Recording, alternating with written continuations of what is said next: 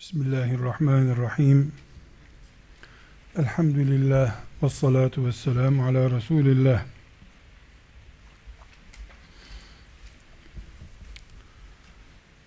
Değerli dostlar,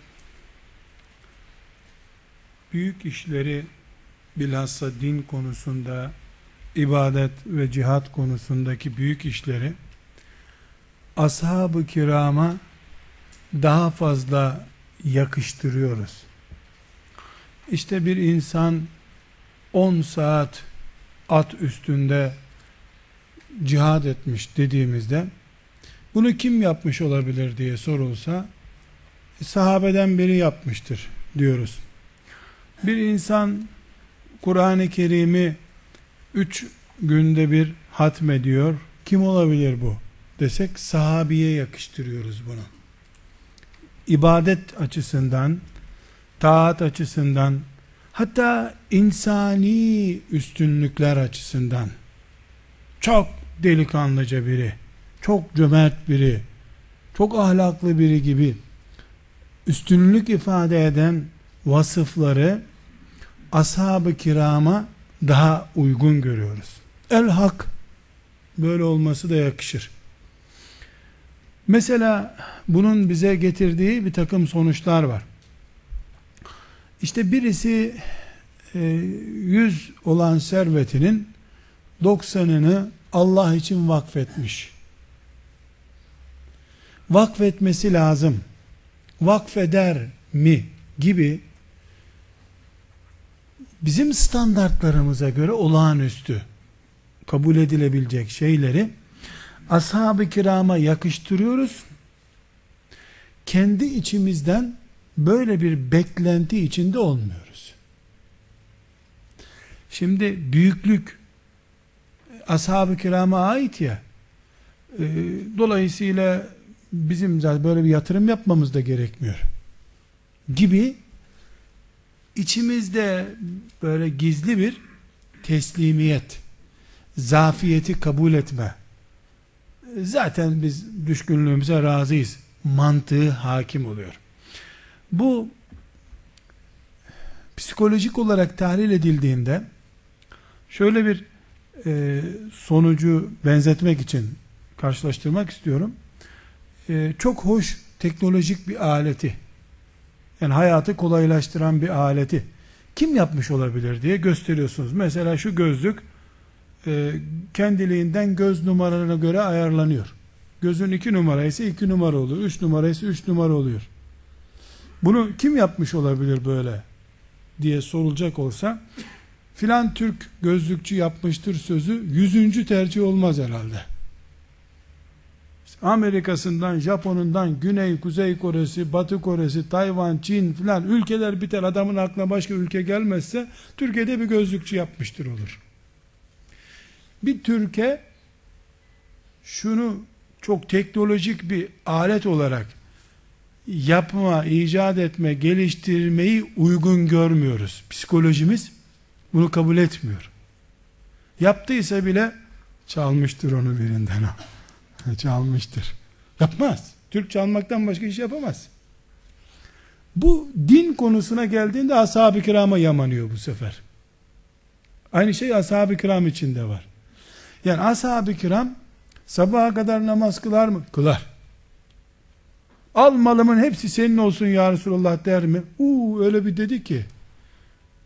Peki Erzurum'da bir hacı efendi bunu yapar mı? Yok canım. Erzurum'da ne işi var bundan? Adapazarılı yapar mı? Çok zor. İstanbul hiç yapmaz. Bizden olmaz öyle takva adam. Kimden olur? Ashab-ı kiramdan olur. Bir zamanlar sakal bile sadece Araplara yakıştırılıyordu. Arap mısın da ne sakal bıraktın? Bunun sosyolojideki adı nedir bilmiyorum ama eziklikten kaynaklandığını çok iyi biliyorum. İçimize sindirilmiş bu e, bayağılık, aşağılık anlayışı içimize sindirilmiş durumdadır. İbadette mesela dense ki Allah Teala seni işte filan sahabiyle beraber e, yaratacak kadar büyük bir iş yaptın sen. Yok canım ne arar ya. Bunun çok enteresan bir örneğini hepimiz yaşıyoruz. Adam hacca gidiyor. Hac demek tertemiz bir Müslüman olarak geri gelme şansı demek bir Müslüman için. Yani iki rekat namazın senin 200 bin rekat olarak burada kıldığın namaza denk oluyor. Burada 200 bin rekat kılıyorsun. Orada iki rekat kılıyorsun. Ölçümü matematikle ifade edilemeyecek kadar büyük bir fark. Orada Ya Rabbi diyorsun. Melekler seni kuşatmış oluyorlar. Ne var ne var diye sana bakıyorlar. Burada da yani dua ediyorsun ama soğuk bir dua. Hacı efendi geliyor. E biz mübarek bir yola gidiyoruz. E Allah mübarek etsin. E, Hacı efendi bize oradan dua et diyorsun. Ya boş ver sen bize buradan dua et diyor. Bu ne? Ezilmişliği, itilmişliği, benimseme hastalığı bu. Yani duanın en makbul olduğu yerde bile duasının kabul olacağına inanmıyor adam. Daha buradan inanmıyor ama. Buradan inanmıyor. Orada melekler ne yapsın bu zavallıya? Nasıl destek olsun melekler bunun için?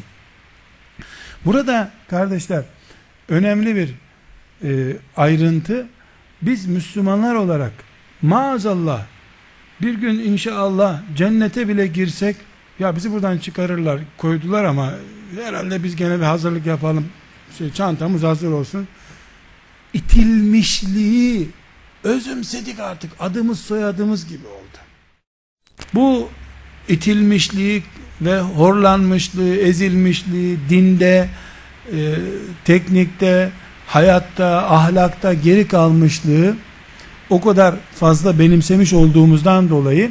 Şimdi mesela ashab-ı kiramdan birisi olmak mümkün değil. Ama ashab-ı kiram gibi cihad etmek mümkün. Ashab-ı kiram gibi olmak mümkün değil. Onların kalitesinde namaz kılmak mümkündür 2500 yılında da 4000 yılında da mümkündür bu. Mesela 2000 yılında yaşamış birisi ashab-ı kiram gibi dinine hizmet etti desem ben sahabi olmak başka bir şey ama. Sahabilik tıpkı bir erkeğin erkek kadının kadın olarak yaratılması gibi yaratılmakla ilgili bir mesele. Peygamber aleyhisselam efendimizin gününe, gününde yaratılmış e bir daha peygamber gelmeyeceğine göre bir daha sahabi olmak mümkün değil o yakalanamaz ama ashab-ı kiramı ibadette, cihatta, siyasi çalışmada, dine hizmette yakalamak mümkündür. Filan asrın Ebu Bekir'i, filan asrın Ömer'i, filan asrın Halid'i olmak mümkündür. Cihatta, siyasette, ibadette, ilimde, gayrette. Yani şimdi Ebu Hureyre radıyallahu anh sahabi olarak binlerce hadis rivayet etti. Dolayısıyla Peygamber aleyhisselama büyük bir hizmet yaptı. Peki bu binlerce hadisi üstüne on binlerce daha koyup eleyerek sahihini hazırlayan ve ümmeti Muhammed'i 1200 senedir hadisle donatan Buhari Ebu Hureyre'den aşağı mı bir iş yaptı? Buhari'nin yokluğunu kabul edince Ebu Hureyre diye birisi kalıyor mu? Yani Efendimiz sallallahu aleyhi ve sellem'den 50 e, sene sonra vefat eden Ebu Hureyre o zamanın Ebu Hureyre'siydi. Ondan 200 sene sonra gelen e, Muhammed bin İsmail de o zamanın Buhari, e, Ebu Hureyre'siydi. Sahabi değil ama yaptığı iş, gördüğü hizmet Ebu Hureyre radıyallahu anh'tan aşağı değil. Bir Ebu Hanife'nin hizmeti Abdullah İbni Mesud'un hizmetinden aşağı değil. Sahabi değil ama. Sahabinin tırnağında bir parça bile olamaz. Sahabilikten dolayı. Sahabilikten. Hatta hatta ashab-ı kiramın öyleleri var ki yani sahabilik ünvanını çıkarıp geri alsan, sahabilik yok sende desen, e, belki de İmam Buhari'nin yaptığının onda biri kadar bir hizmet yapmamıştır. İman etmiş Medine'de oturmuş kalmış yaşlılığından dolayı. Sahabi olduğu için cennetinde baş köşesinde bekler ayrı bir konu. Sahabiliğini kaldır bir hizmeti de yok. Veda hutbesini dinlemiş o kadar. Ama öbür taraftan Selahaddin Eyyubi'nin ümmeti Muhammed'e yaptığı hizmete bakıyorsun. Mezara sokulmak üzere olan bir ölüyü ayağa kaldırmış. bu Medine'de, Mekke'de, Taif'te oturan bir sahabeden çok daha büyük bir hizmet yapmış. Ünvanı düşük. Bu nedenle insanları değerlendirirken bir şahsı değerlendirirken bugün konuşacağımız şahsiyetten dolayı bu gündemi açtım. Yaşadığı zamanla yaptığı işin çarpımını bulmak lazım. Hangi zamanda ne iş yaptın sen? Bir insan kış günü soğuk su, soğuk su diye bağırıyor pazarda. Yani soğuk su kış günü satılmaz ki. Kış günü sıcak salep satabilirsin. Yaz günü de salep satamazsın. İnsanlar hep salep olmuş zaten kaynıyorlar. Bir insanın değeri ilmiyle, ameliyle, ibadetiyle ölçülür. Kendi başında değerlendirildiği zaman. Eğer bir insan ümmeti Muhammed'le olan ilişkisi açısından değerlendirilecekse, Müslümanlara olan desteği açısından değerlendirilecekse, Allah'ın dinine getirdiği hizmeti açısından değerlendirilecekse, zamanını ölçmem lazım benim. Yani İmam-ı Azam'ın zamanında herkes hemen hemen fıkıhçı zaten. Onların en sivrisi İmam-ı Azam olmuş. Gerisi de hep imam. Hep e, büyük insanlar. Ama öyle bir zamana gelinmiş ki insanlar abdestin şartları konusunda tereddüt ediyorlar. Camide 50 sene namaz kılmış. 100 Müslümanı caminin kapısında yakalayın. Hacı efendi şurada bir teyemmüm al. Bak bakalım teyemmüm nasıl alınıyormuş. İnsanların ibadetten soğuduğu, ibadeti kendisine uzak gördüğü bir zamanda teyemmümü bilen İmam-ı Azam'dır. Niceleriyle karşılaşıyoruz. Hastanede aylarca yatıyor. Hayatında namaz kaçırmamış ama aylardır da namaz kılmıyor. Niye kılmıyorsun? Hemşire mi bana abdest aldıracak diyor. Yok. Alçı ayağında. 50 sene namaz kılmış. Namazın en önemli yedek parçası olan teyemmümü unutmuş, bilmemiş, öğretilmemiş ya da anlatırken dinlememiş. Demek ki benim yaşadığım zamanda işime yarayan şey benim için değer ifade eder. Yaz günü soğuk su kıymetli. Kış günü sıcak çay kıymetli. Ters çevirdiğinde kıymet kaybeder. Müslümanların dinlerine yaptıkları hizmet de böyle. Eğer ben öyle bir zamanda yaşıyorum ki bu zamanda bir Müslüman lazım çetecilik yapacak ve dışarı atacak düşmanımı. Hiç elif cüzü bilmemiş. Kur'an-ı Kerim okuyamamış bir delikanlı gelmiş. Kurmuş bir direniş örgütü. Tutmuş Müslümanların topraklarını işgal eden adam dışarı atmış. Dışarı atmışlar. Temizlik harekatı yapmış. Şimdi ben değerlendirme yaparken vallahi çok iş yaptı. Toprağımızı kafirlerden temizledi ama hafız değildi. Ben bunu ne yapayım şimdi? Böyle mi diyeceğim ben? Kardeşim hafıza ihtiyacımız yok bizim o zaman. Neye ihtiyacımız var? Küfürden bizi kurtaracak adama ihtiyacımız var. Ben ona muhtacım ben. E yüz tane çocuğum var. Mahallemizde bir tane elif cüzü öğretecek bir insanımız yok. Herkes elinde kılıç cihad edebiliyor ama. E bu çocuklara abdesti kim öğretecek? Kur'an'ı kim öğretecek? Mücahide ihtiyacım yok ki benim. Herkes elinde cihat e, kılıcıyla dolaşıyor. Bana o zaman ne lazım? Elif cüzü öğretecek bir adam lazım. Kim o gün benim çocuklarıma elif cüzü öğretir, teyemmüm abdesti öğretirse en büyük imam odur o gün. Günün adamı çünkü. Biz müzeleri değerlendirmiyoruz. Filan müzede ne kadar değerli eserler var ona bakmıyoruz. Neye bakıyoruz? Müzeye değil, evime gelecek hizmete bakıyorum ben. Bunun yani e, bir başka benzetmesini şöyle düşünebiliriz. Bir insan e, çok zengin. Yani birkaç tane e, bankası olan büyük bir zengin düşünün. Karnı acıkınca para yemeyeceğine göre bu bir dilim kuru ekmek bütün bankalardan daha değerli onun için. Parayı ne yapsın adam? Para yenmiyor ki dağ başında. Toprak yenmiyor ki. paralarıyla beraber o servet içinde açlıktan öldükten sonra o zaman bir ton altın bir dilim ekmek yapıyor demektir. Veya daha fazla. Belki bir ton altın bir dilim ekmek fiyatında bile değildir.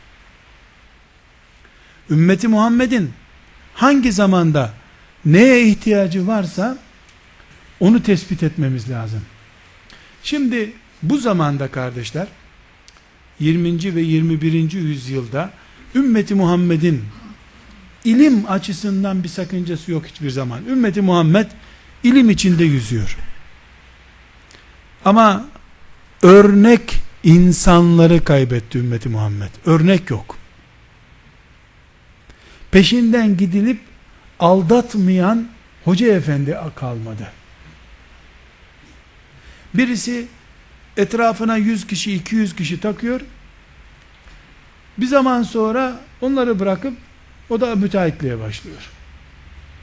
Öbürü başka biriyle cecelleşiyor. Şahsi kavgasına cemaatine hizmet ettiriyor. Cemaati dağılıp gidiyor.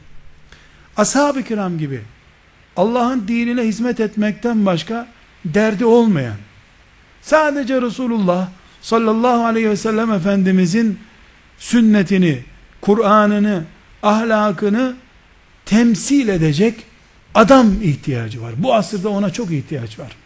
Herhangi bir tanemizin evinde arkadaşlar 10 defa Ebu Hureyre yapacak kadar ilim var.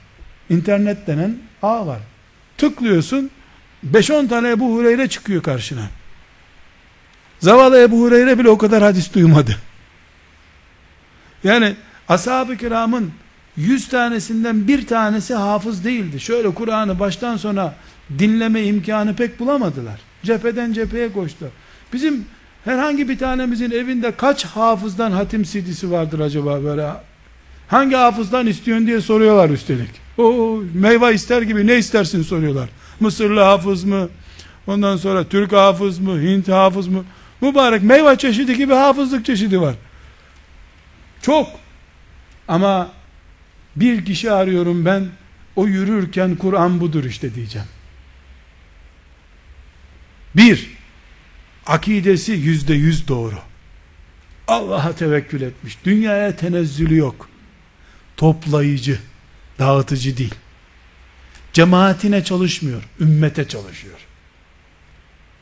Yemen'den Kafkasya'ya kadar, Çin'den Amerika'ya kadar La ilahe illallah diyen herkesi kardeşi biliyor. Tefrikacılık yapmıyor. Ashab-ı kiram gibi. Ahireti düşünüyor, dünyalık düşünmüyor.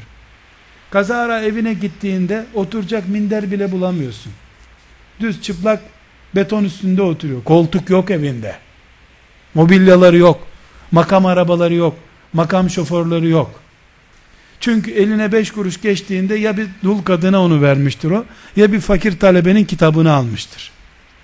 Sofrasında yedi çeşit yemek yok. Bir çorba var veya yoksa. Ashab-ı kiram gibi varlık içerisinde nefis terbiyesi yapmış. Böyle bir hafız efendi arıyoruz. CD'si kaseti olmasın zarar yok. Meşhur olmasın. Televizyonlara çıkmış olmasın. Gönüllere çıkmış olsun.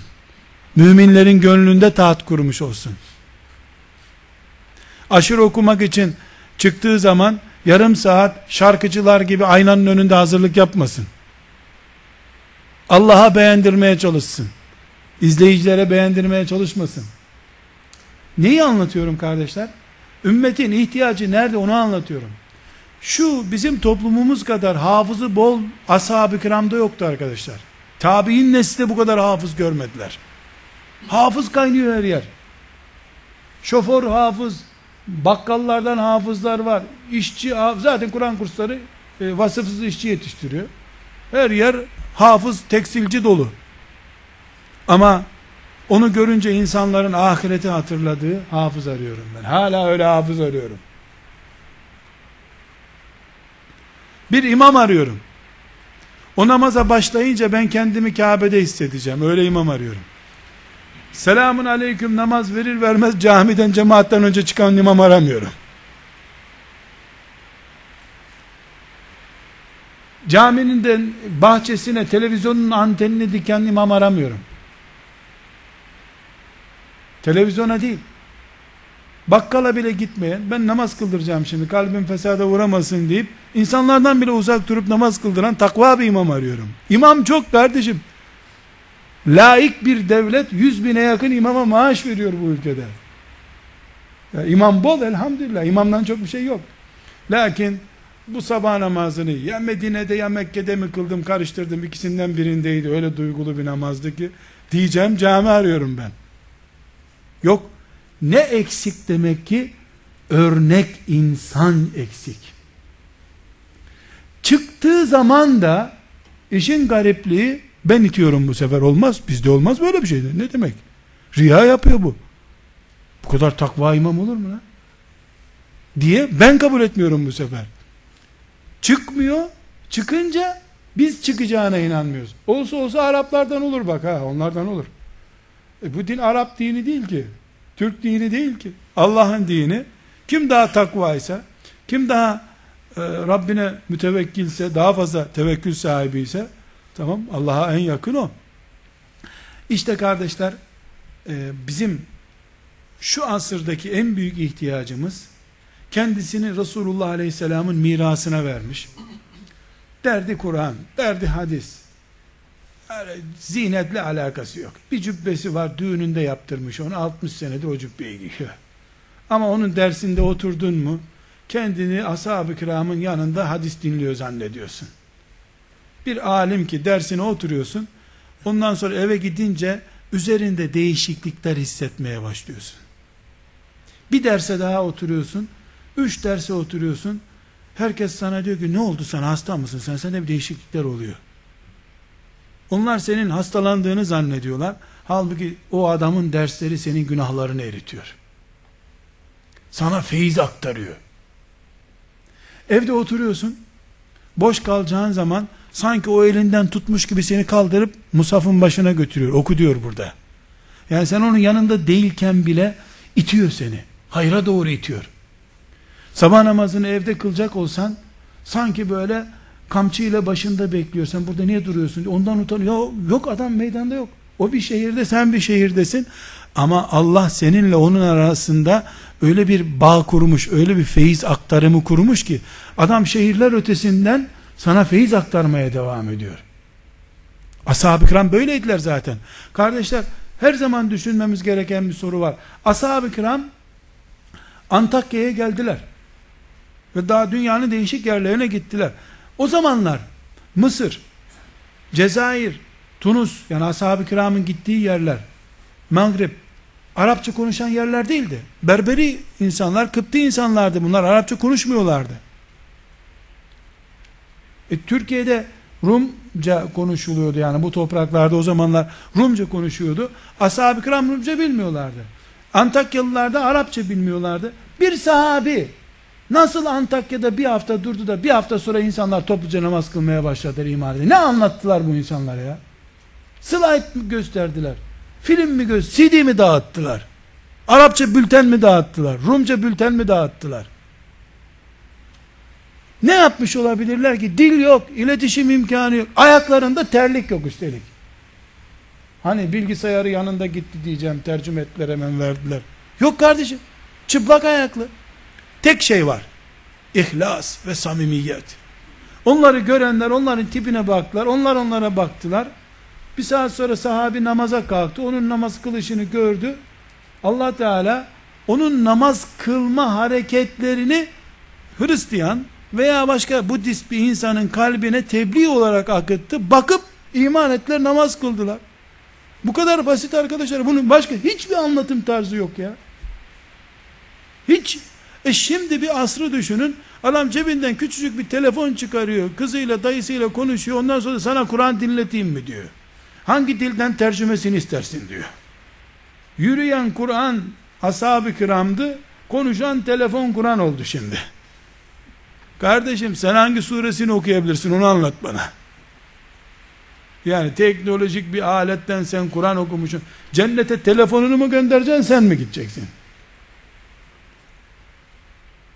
Yani ashab-ı kiramın farkı neredeydi? Neyi vurgulamak istiyorum? Ashab-ı kiram Allah onlardan razı olsun. Peşinden gelen nesil de onlar kadar değil ama muhteşem çalışmalar onlar da yaptılar. İhlasları sayesinde feyiz akıttılar arkadaşlar. Uzun söz konuşmadılar. Bir söz, iki söz, üç söz yetti onlara. Bazen bakışları yetti.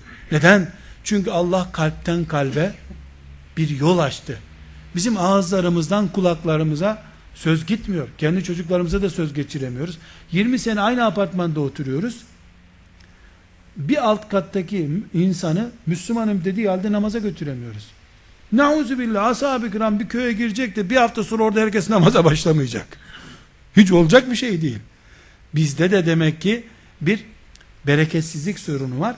İşte bu asırda kardeşler bu tip önderler yani Allah için yüzde yüz samimi çalıştıklarından dolayı hayatlarına Allah'ın bereket verdiği önderler en çok muhtaç olduğumuz ihtiyacımızdır. Bu tip büyük önderlere ihtiyacımız var. Şimdi mesela konumuza geçmeden önce e, merhum Hasan el-Bennai rahmetullahi aleyh örnek olarak konuşabiliriz. Bir edebiyat öğretmeni arkadaşlar. Alim değil, bir şey değil, edebiyat öğretmeni ya. 22 yaşında. Ümmeti Muhammed'in halini görmüş, içi kahrolmuş. Kahveleri dolaşmış, Kahire sokaklarında, İskenderiye sokaklarında Allah'a davet ediyor. Gelin İslamiyet'i kurtaralım diyor. Kardeşim senin karnını aç. Edebiyat öğretmenliği maaşıyla geçiniyorsun. Yani sen kimi kurtaracaksın? Alim değilsin. İlk tepkiyi alimlerden görmüş zaten. Git işine ya şiir mi yazıyorsun filan gibi böyle horlamışlar. Lakin şu berekete bakınız arkadaşlar. Yani 60 seneden fazla bir zaman oldu şehit olalı. Hala devam ediyor ya. Hala ölmedi. Hala adında bereket var. Bu ne muhteşem bir şey. Yani bir edebiyat öğretmeni olarak başlattığı hareketin içerisinden ben bin diyeyim siz on bin anlayın. Fıkıhçı, hadis alimi, e, to, coğrafyacı, tarihçi yani ya ilim makinesine dönüştü adamın kurduğu teşkilat. Rahmetullahi aleyh. Yani çok uzun yıllarca da çalışmadı. Şunun şurasında 25-26 senelik bir hareketi. O hareketinde ordu kurdu, İsrail'in üzerine yürüdü. Onun üzerine zaten şehit edildi. E, alimleri topladı, fabrikalar kurdu, camiler kurdu, hastaneler kurdu. Bir kişilik devlet adam ya. Bir kişilik devlet. Para yok, pul yok. Tek malzemesi var ihlas ve samimiyet. İhlas ve samimiyet. Alimler etrafında toplandılar. Yani düşününüz ki bir fakir zengin sendikası kuruyor, zenginler etrafında kuruyor. Nasıl böyle ters bir görüntüyse onda da öyle oldu. Allah ondan razı olsun. Özelliği 20. asrı bereketiyle, feyziyle ihya etti. Tabi sadece Hasan el-Benna değil. Onun gibi niceleri var. Yani en çetrefilli örnek, anlaşılması en zor örneklerden birisi olduğu için özellikle onu zikrettim. Suriye'de Ba'siye sisteminin yani Müslümanlara tatbik edilmiş sosyalizm diyebiliriz buna.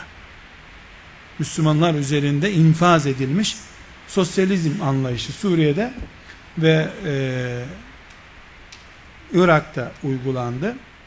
Elhamdülillah e, uygulayanlarının sağlığında helakini de Allah gösterdi o sistemin. Bir Hristiyan e, kaynatmasıyla ortaya çıkmış bir buharlaşma hareketiydi.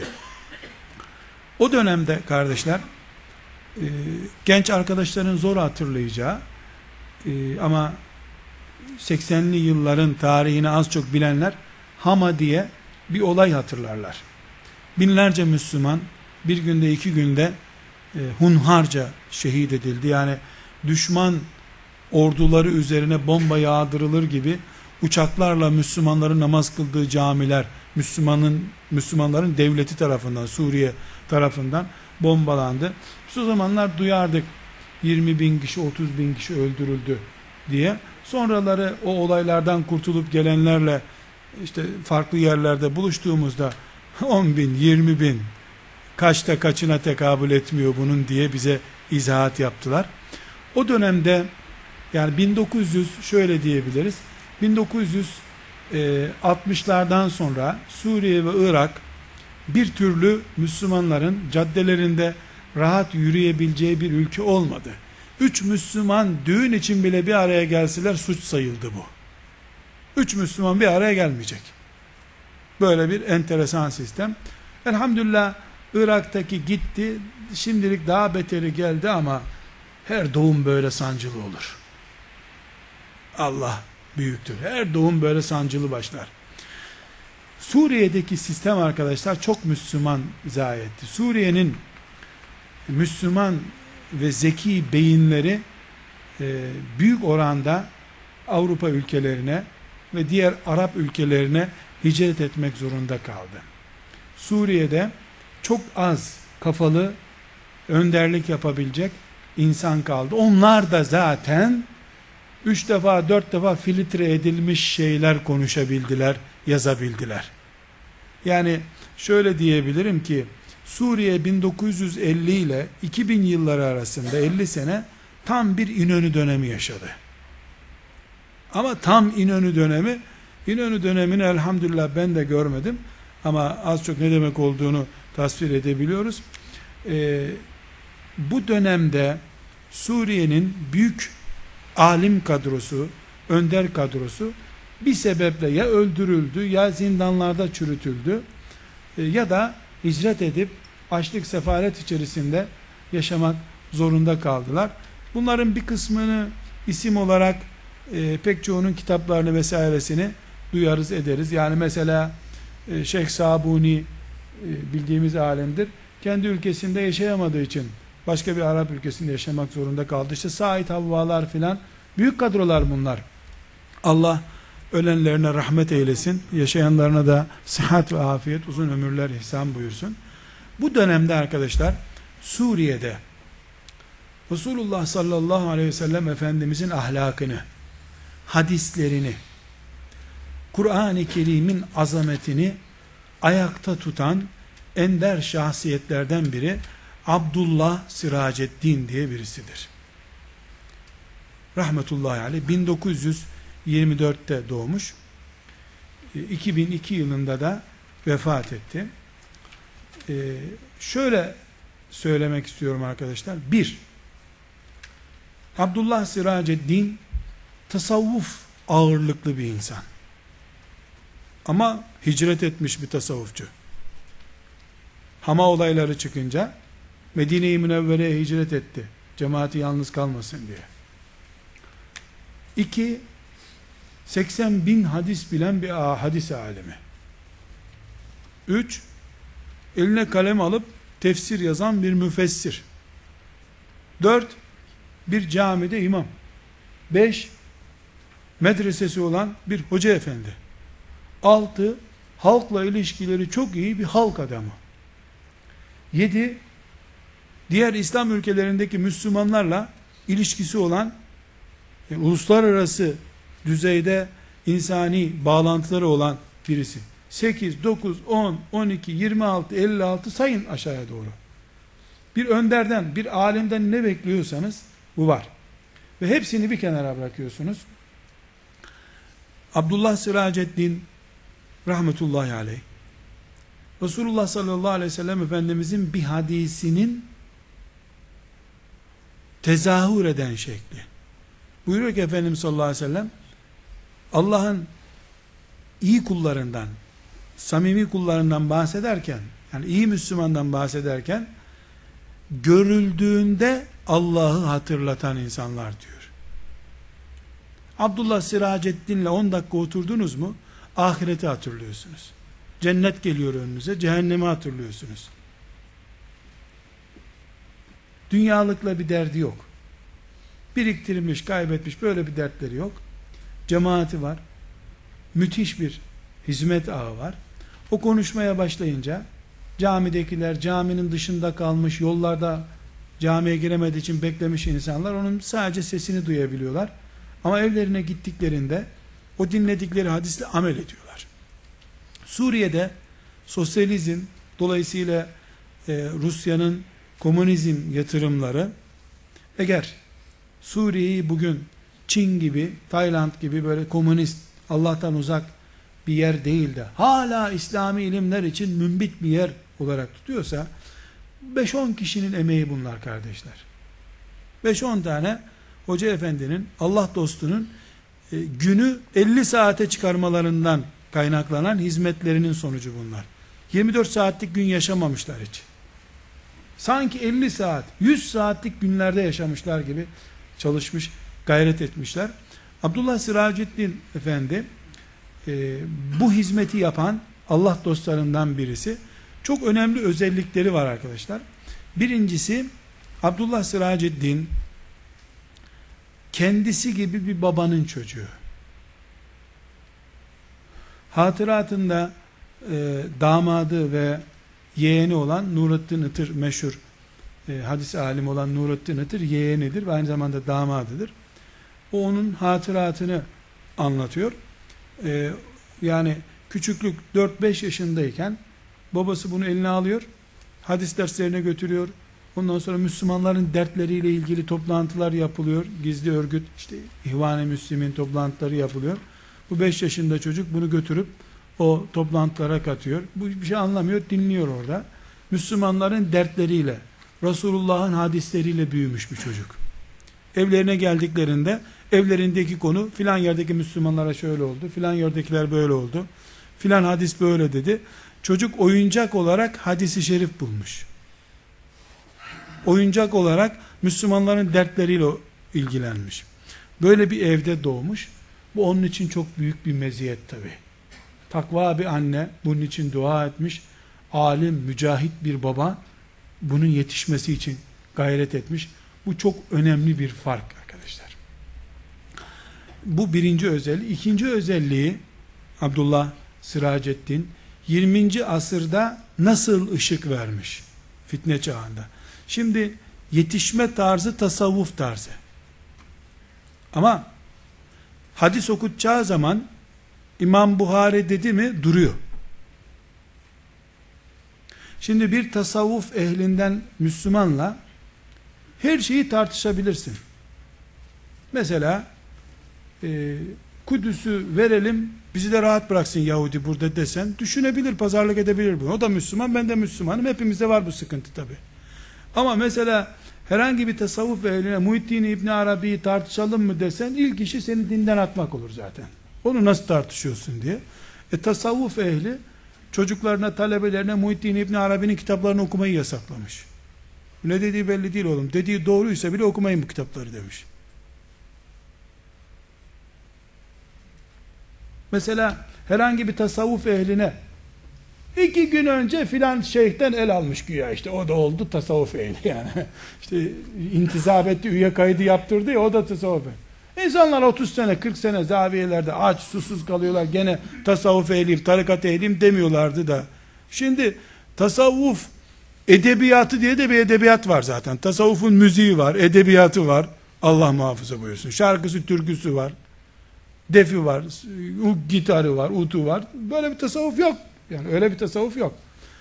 Ee, şimdi bir tasavvuf ehline ya rabıta var mı İslam'da? Tasavvufta rabıta caiz mi diye sor bak nasıl vay Vahabi oğlu Vahabi seni satın almışlar. Satıldın sen din gitti nasıl olmaz? Öyle demiyor ama damadı diyor ki Nurettin Itır Allah ömrüne bereket versin o da büyük bir hadis alimi Suriye'nin iyi alimlerinden birisi. Böyle bir soru sordum diyor. Yani verdiği cevap çok enteresan. Broşürde o cevabı göreceksiniz. Ee, yani bir insan Resulullah sallallahu aleyhi ve sellemin hadislerini düşünmekten başka neyle rabıta yapabilir ki diyor. Cehennemi düşünemeyen adam şeyhini düşünse ne olur? Aklına cehennem gelip gözünde cehennemin ateşleri tüterek namaza kalkmıyorsun. Şeyhi hatırlayacaksın da şeyhin ayağa kalkacak. O da senin gibi bir insan deyip kovmuş damadın önünden. Ama tasavvufa intisabı, tasavvuftan gördüğü emeği e, babadan kaynaklanıyor. Kökü kim bilir? Zaten e, Hazreti Hüseyin'in soyundan yani öyle soylu soplu da bir ailenin çocuğu. Özelliği bu. Hakkın karşısında tutucu değil. Haktan yana, Resulullah'tan yana hep. Üçüncü özelliği kardeşler, nafile ibadetler konusundaki gayreti çok önemli. Nafile ibadetlerin yani sünnet diye ihmal edilmesinin çorabı söken ilmik olduğu kanaatinde. Nafileler farz değil ama din nafilerle ayakta duruyor diye özetlenebilecek bir hamlesi var. Allah ömrüne bereket versin. Hocam Emin Saraç hocam ilk defa bana bunu tanıtmıştı. E, nafilelerle ilgili Allah'a yaklaşmakla ilgili bir kitabı vardı. Onu 10-15 sene oluyor vermişti. O zaman Hoca Efendi'yi tanımıştım. Ee, onunla ilgili pek çok bilgiyi de hocamdan öğrendim. Yani onun tanıtımından anladım. Çünkü bizzat görüşmüşler, etmişler. Bana nasip olmadı görüşmek Hoca Efendi ile. İnşallah daha geniş, boş, bol vaktimizin olacağı bir yerde görüşeceğiz inşallah. Gerçi bizim e, cinsimiz, kategorimiz bunlarla bir ilgisi olan kategori değil ama kesinlikle herkes sevdiğiyle beraber olacak arkadaşlar. Herkes sevdiğiyle beraber olacak. Asla bunda şüphe yok. Asla bunda şüphe yok. Ee, ama İmam Buhari'yi seviyorum dersinde Riyazu Salihin yani İmam Buhari sevdiğini söylüyorsun. Çünkü herkes sevdiğiyle beraber olacak. Biz de İmam Buhari Hazretleri işte biraz oturup muhabbet edeceğiz onu çok seviyorum. De ondan sonra senin o gün Riyazu Salih'in dersin var maç var diye derse gitme. Televizyonda maç seyredeceğin diye herkes sevdiğiyle beraber de kimi tercih ettiysen gerçek sevdiğin o. 12. kişi olarak girersin takıma sen kıyamet günü. Onlar da neredeyseler artık maç nerede yapılıyorsa Nauzu billahi teala. Tabi maç nerede yapılıyorsa sahayı bilmiyorum ama. 11 kişi nerede oynarlar onu bilmiyorum. 11 kişi kalmazlar bayağı kalabalıktırlar da eleyerek alırlar artık takıma. En samimiler en önde. Allah sonumuzu hayır eylesin. Hoca efendinin bu tip özellikleri var. Herhangi bir kitabında kardeşler 3 sayfa okusanız onun yazdığı dilden Arapçası çok sade ve çok berrak bir Arapçası var. Ee, sizi böyle alıp elinizden tutup Resulullah sallallahu aleyhi ve sellem'in yanına götürdüğünü zannedersiniz. İçinde bir peygamber sevgisi kaynıyor. Hasret, peygambere hasreti var. O herhalde yüz sene peygamber aleyhisselamın yanında dursa, her gün yüz defa elini öpse, onun hasreti bitmez. Öyle bir acayip sevgisi var. O peygamberini sevmiş aleyhissalatü vesselam. Allah da onu insanlara sevdirmiş. Bu bağlantı böyle kuruluyor zaten.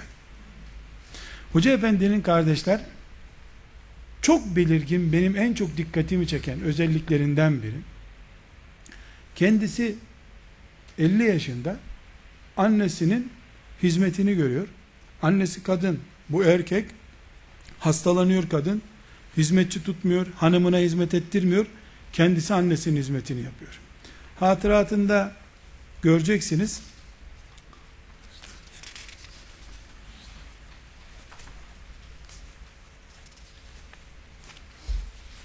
hacca gitmiş annesiyle,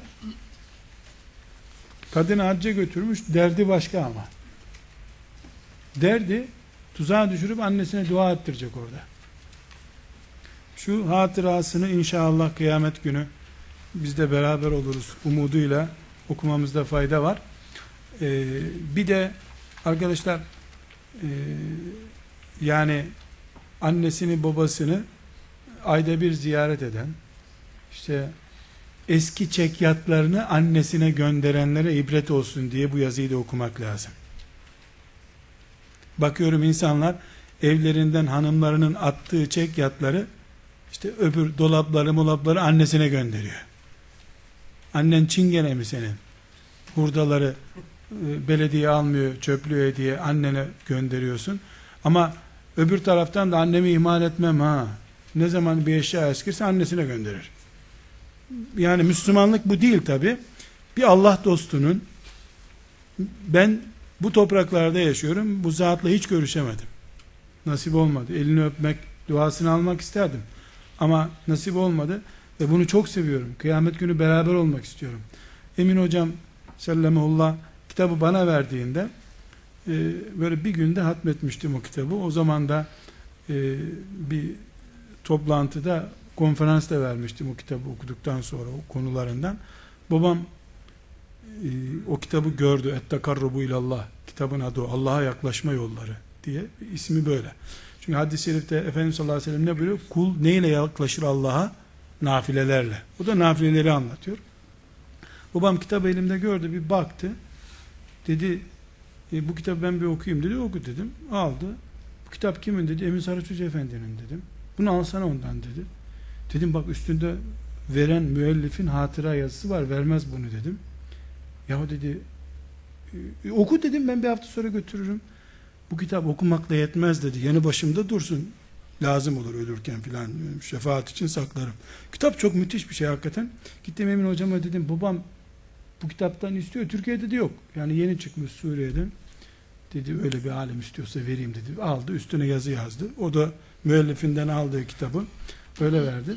Şimdi bu dersi hazırlarken dedim baba şu tekarrubu ilallah kitabı versene dedim. Tekarrubu ilallah. Bir iki alıntı yapayım oradan. Dedi orada sen birine emanet falan verirsin dedi. Burada bakacaksan bak dedi. Bir de baktım içinde notlar var. 5-10 defa okumuş kitabı. Aynı bilgileri İhya Ulumuddin'den okuyabiliyorsunuz. Herhangi bir kitapta var aynı şeyler. Ama sanatkar farkı, dizme farkı, ihlas farkı var arada. İhlas farkı var. Şimdi bakın arkadaşlar 1978'de zannediyorum ee, annesiyle yani tarihten bilmediğim bir şey annesiyle hacca gidiyorlar babasının vefatından sonra e, broşürün 6. sayfasında bu hatırasından Nurettin Itır Hoca Efendi'nin e, Abdullah Sıracettin'i anlatan e, bir kitabı var ondan naklettim saliha, müttaki, tertemiz bir kadın olan annemle hac etmeye beni muvaffak kıldığı için Rabbime hamd ediyorum. Hac etmeye değil, annesiyle hac yapmayı nasip ettiği için Allah'a hamd ediyor. Hac ettiğimiz o sene, cümlelerine dikkat edin arkadaşlar. Hac ettiğimiz o sene, Arefe vakfesi Cuma günüydü. Arefe'de hacılar vakfeyi Cuma günü yaparlarsa ona ne hac deniyor? Haccı Ekber deniyor. Büyük hac demek. Şimdi bakın yatırım nasıl yapmış adam. O sene Haccı Ekber'deymişler. Annesiyle Arafat'taymışlar. Ona epey hizmet ettim. Hastalandı. Hizmetini ben gördüm. Çok duasını aldım. Benden memnun oldu. Ayaklarını öpmem için bana izin vermesini istedim. Razı olmadı. Çünkü bu ayaklarını öpeyim anneciğim dediği zaman yani el öper gibi ayaklarını öpecek. Suriye'nin saygın hadis alimlerinden birisi o zaman. Babasından icazet almış. Babasının medresesine geçmiş. Babasının ilmiyle bir defa şöhreti var. Böyle bir adam. Onun dalgınlığından istifade ettiğim anlar ayaklarını öpüyordum halbuki. Kadıncağızın haberi yok. Kadın baygın hasta yatıyor. Bu tırnağını kestim, ayağını kestim diye ayağını öpüyor. Biz arkadaşlar liseyi bitiren annesini bir daha takmıyor. Ondan sonra da mücahit. Nerede bu mücahitlik? Yani üniversiteyi bitirdi mi zaten yani hiç onu o anne doğurmamıştı ki. Onu leylekler getirdi o zaman. Haç bitince mübarek ziyaretimizi yapmaya yöneldik. Neresi mübarek ziyaret? Medine-i Münevvere'yi ziyaret edecekler. Ravza'nın önünde bana çok dua etmesini istedim.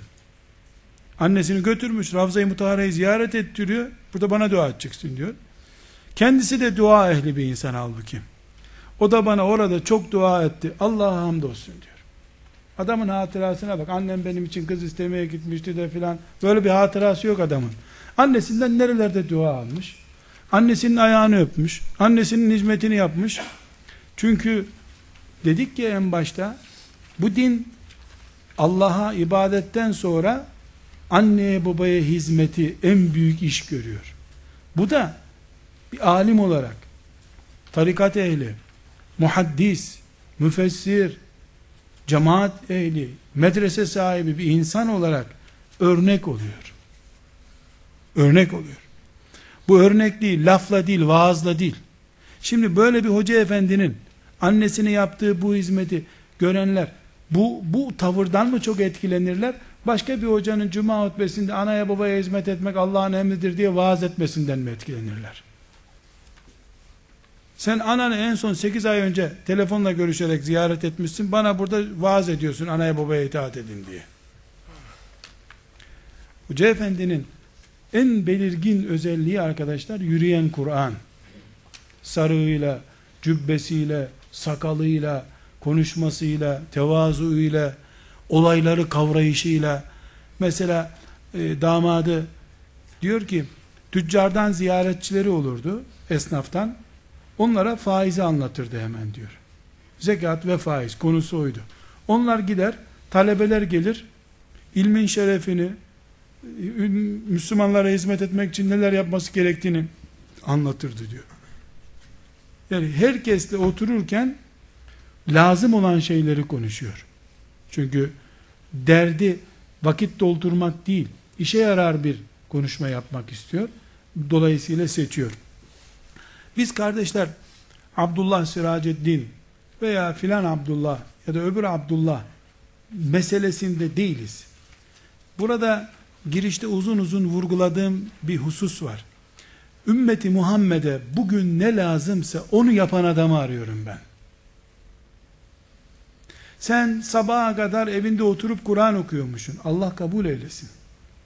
Allah'la senin arandaki bir iş. Kaç hatim indirmişsin? Ayda on hatim. Maşallah. Bu kadar. Senin tarihini yazmam ben. Bana ne? Melekler yazmış yeteri kadar. Sen üç çocuğa elif cüzümü öğrettin. Sen benim sultanımsın. Seni arıyorum ben. Bana sen lazımsın. Ama o arada da alim değilmişsin. Ayda on hatim yapmıyor musun? Hiç önemli değil. Ben çünkü Kur'an öğretecek birini arıyorum. Çocuğumu dövmeden, nefret ettirmeden, Kur'an tiryakisi yapacak hoca efendi arıyorum. Kendisi Kur'an okumuş okumamış hiç önemli değil. Onun destanını yazarım. Tarihini değil. Ona destan yazarım ben. Onun kapısında hizmetkar olurum ben. Çünkü bugün benim her şeyim var. Bilgisayarım var, vakıflarım var, şirketlerim var, holdinglerim var, her şeyim var. Çocuğuma Kur'an öğretecek bir hoca efendim yok maalesef. Bir tek hoca efendi yok. Helva yapacak adam yok. Elif cüzünün CD'si çıktı, dijitali çıktı, oyuncağı çıktı, tuşlu elif cüzü çıktı, çubuklu elif cüzü çıktı, çıktı çıktı. Bir tek mızraklı ilmal vardı eskiden, şimdi mızraklı elif cüzü de çıktı. Neredeyse dijital kablo bağlayacaklar çocuğa, kablo ile çocuğa ama hoca efendi yok maalesef. Hoca efendi yok. Bir hoca efendi arıyorum. O sabah namazında gelecek, sabah namazında ders okutacak. Öğle namazında vakti olanlara öğle namazında okutacak. Ondan sonra o Kur'an okuttuğu çocuğun babası ona 50 kuruş para verirse Allah'tan hayal ederim diyecek. Bu bana da Rabbimin emri zaten. Ben nasıl para alırım sizden diyecek. Kendi maaşından, kendi emekli parasından lokum alıp çocuklara dağıtacak. Hoca efendiyi sevsinler diye. Kim bunu yaparsa ben onu başımın destanı yaparım. Onun için işte Haydarpaşa'dan e, vagon kiralayıp 20 tane talebesini Gebze'ye kadar götürüp orada elif cüzü okutan Süleyman Efendi'yi başımın tacı sultanım sayıyorum. Madem elif cüzüne tutmak yasak, o da vagonda, o biz Gebze'ye gidiyoruz diyor. Günde iki defa Gebze'ye gidip geliyor. O arada elif cüzü okutacak. Ben onu sultanım sayarım. Çünkü en gerekli zamanda en büyük hizmeti yaptı. Ne mutlu. Şimdi vagona gerek yok. Onun talebeleri plaza oteller kuruyorlar arkadaşlar. Beş yıldızlı oteller yapıyorlar. Ama ihlas başka bir şey. Bir kişilik ümmetti. Bin kişi onun yerini dolduramıyor şimdi.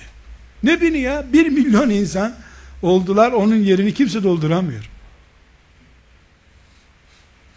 Bir Mus'ab bin Umeyr radıyallahu anh tek başına devlet kurdu 8 ayda Resulullah sallallahu aleyhi ve sellem'i çağırdı gel Yesrib senin ya Resulullah dedi ulan 1 milyar olduk şimdi Amerika'dan köyümüzü kurtaramadık ya bırak yeni bir devlet kurmayı demek ki bir musab etmiyor bir milyarımız benim zor zamanımda bana ne lazımsa ben onu isterim Bana başım ağrırken cerrah lazım değil, kafamı deldirtmem.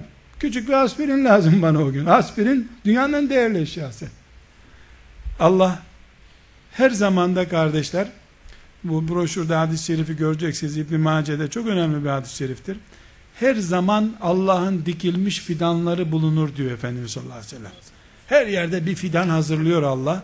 İşte Suriye'de Basiye sistemi yani sosyalist satılmışlar.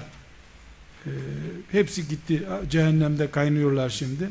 Hala fitneleri bitmedi tabi. İslamiyet'i kökünden silmeyi planladılar. İşte bizdeki zulmün bir değişiğini 30 sene sonra onlar başlattılar orada. 3-4 tane Allah'ın dostu geceyi gündüze kattılar. Ev ev dolaştılar. Biri Mustafa Sivahi'dir. Rahmetullahi aleyh. Onu da muhakkak hayırlı anmamız lazım. Çoğunun kitapları Türkçe'ye tercüme edilmiş. Hikmet İlahi bu Hoca Efendi'nin kitapları herhalde bana nasip olacak. Henüz Türkçe'ye ulaştırılmadı bunlar doğru dürüst. Ee, bunlar bu sosyalist fitneye, bu İslamiyet'in kökleriyle oynama hastalığına karşı büyük hamle yaptılar arkadaşlar. Bu beş kişiyle, vakıfla, cemaatle falan yapılacak iş değil ya. Mesela Abdullah Sıracettin'in de görev yaptığı medrese var. Babasından devralmışlar. Ee, orada Şabaniye Medresesi diye meşhur. Hükümet alavara dalavara dine karşıyım da demiyor.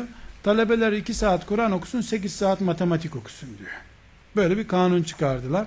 Medreselerde fen dersleri daha çok olacak. Derken bir arada Kur'an evlerde okusunlar oldu. Hocalar da matem tutuyorlar. Ee, işte tövbe estağfurullah ne belaya uğradık gibi böyle matemler. Bu toplamış bir gün hocaları. Beyler demiş. Medrese duvarların adı değil, bizim adımız. Bu adamlar medreseyi kapattılar. Bizim ihlasımızı söndüremezler. Haydi okutalım evlerde talebelerimizi demiş. Herkes ağlayacak bir köşe ararken bunun yorumuna bakın. Bunlar duvarları kapattılar. Bizim çalışmamıza engel olamazlar demiş. İşte vagon kiralayan kafa bu kafa. Hizmet kafası. Bahane aramıyor. Emekli olmak için gerekçe aramıyor. Allah onlardan razı olsun. Yani bunların hizmeti belki iki asır, üç asır sonra çok daha iyi anlaşılacak. Çünkü eğer bunlar 5-10 kişi bu büyük hizmeti, bu büyük cihadı yapmamış olsalardı, şimdi biz bugün burada e, bir yerden kesilmiş bir İslamiyet'ten söz edecektik. Tıpkı o İnönü döneminde e, Kur'an-ı Kerim'i unutulmasın diye sabahlara kadar kapı kapı dolaşıp öğretmeye çalışan e, o büyük insanlar gibi Allah onlardan razı olsun. Onları da bizi de Resulullah sallallahu aleyhi ve sellemle beraber Havz-ı Kevser'de ve Firdevs-i Ala'da Adin cennetlerinde buluşan kullarından kılsın. Ve sallallahu ve sellem ala seyyidina Muhammed ve ala alihi ve sahbihi ecma'in velhamdülillahi rabbil alemin.